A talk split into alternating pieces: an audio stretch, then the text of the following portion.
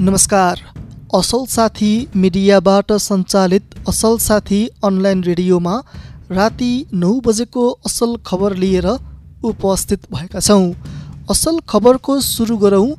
नेपाल समूहको राष्ट्रिय भेलाबाट सत्र बुधे प्रस्ताव पारित भएको प्रसङ्गबाट नेकपा एमालेको माधव कुमार नेपाल समूहले दुई दिने राष्ट्रिय कार्यकर्ता भेलाले सत्र बुधे प्रस्ताव पारित गरेको छ।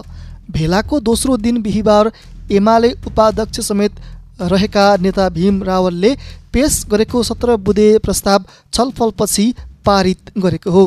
प्रस्तावमा फागुन अठाइस गते अध्यक्ष केपी शर्मा ओलीले केन्द्रीय समितिको विशेष बैठक भनी गरेको विभिन्न निर्णयलाई अस्वीकार गर्ने उल्लेख छ। त्यस्तै राष्ट्रिय सम्मेलनको संसद विघटन बदर गर्ने सर्वोच्च अदालतको स्वागत गरेको छ भने एमाले र माओवादी पार्टी बिउताउने फैसलाप्रति असहमति प्रकट गरेको छ।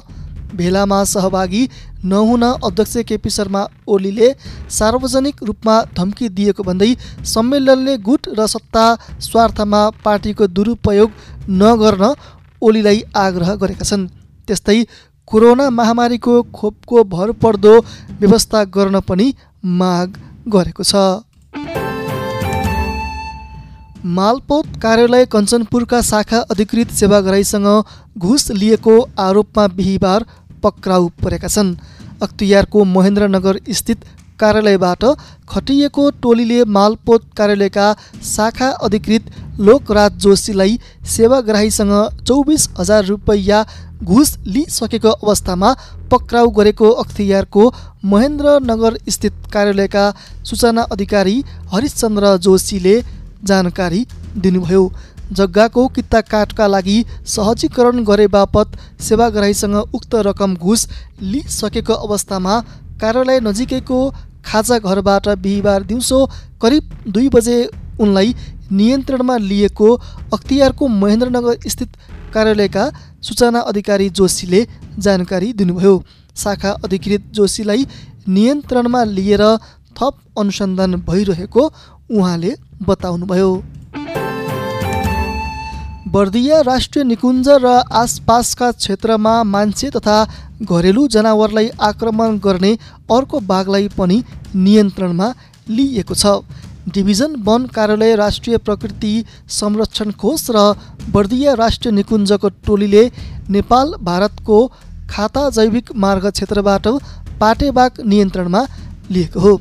यसअघि हिजो बुधबार बर्दिया राष्ट्रिय निकुञ्जको टोलीले एउटा पाटेबाघ नियन्त्रणमा लिएको थियो। बिहिबार अन्दाजी दस वर्षको भाले पाटेबाघलाई टोलीले नियन्त्रणमा लिएको डिभिजन वन कार्यालयका सहायक वन अधिकृत दुर्ण शर्माले बताउनुभयो। बर्दिया निकुञ्जको मध्यवर्ती क्षेत्र तथा खाता जैविक मार्ग आसपासमा मान्छे र पशु चौपायालाई बाघले आक्रमण गरी ज्यानै लिने घटना बढ्दै गएको छ।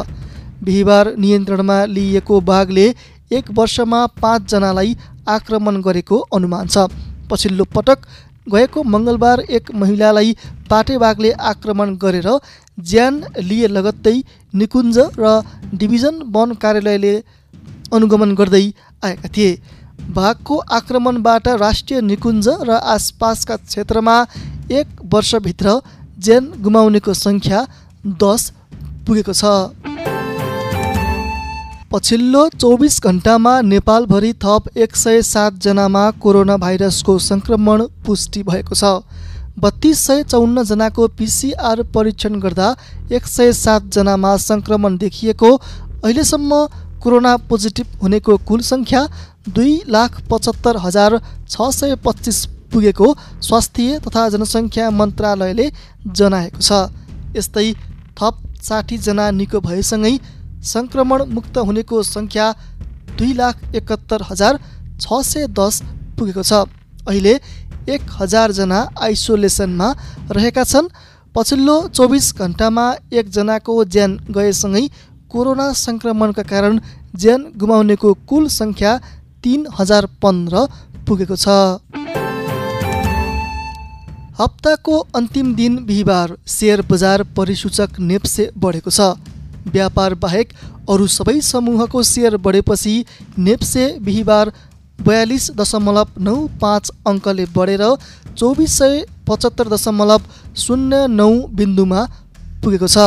बिहिबार बैङ्किङ समूहको सेयर छब्बिस अङ्कले होटल तथा पर्यटनको एक सय बाह्र विकास बैङ्कको चौबिस जलविद्युतको तिन फाइनेन्सको चौध माइक्रो फाइनेन्सको एक सय दुई अङ्कले जीवन बिमाको चार सय पन्ध्र निर्जीवन बिमाको एक सय एकानब्बे उत्पादन समूहको सेयर एक सय बैसठी र लगानी समूहको सेयर झन्डै दुई अङ्कले बढेको छ।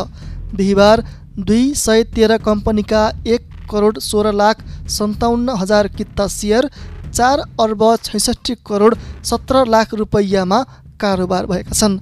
सबैभन्दा धेरै नेपाल बङ्गलादेश बैङ्कको सतहत्तर करोड रुपैयाँको सेयर किनबेच भएको छ? बिहिबार युनाइटेड मर्दी र ग्रिन लाइफ हाइड्रो कम्पनीको सेयर मूल्य दस प्रतिशतले बढेको छ। समग्र बजार बढे पनि जोशी हाइड्रो पावर र आखु खोला जलविद्युत कम्पनीको सेयर मूल्य छ प्रतिशतभन्दा धेरैले घटेको छ।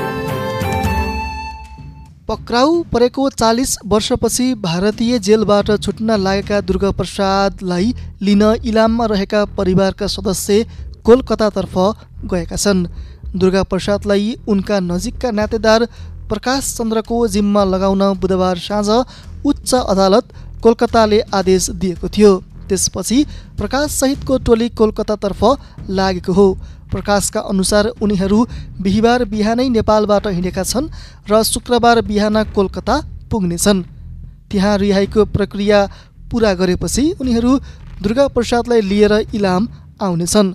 कोलकाता स्थित नेपाली महावाणिज्य दूतावासका निजी सचिव सतीश थापाका अनुसार प्रकाश चन्द्र समयमै पुगे दुर्गा प्रसाद शुक्रबारै नेपाल फर्किनेछन्।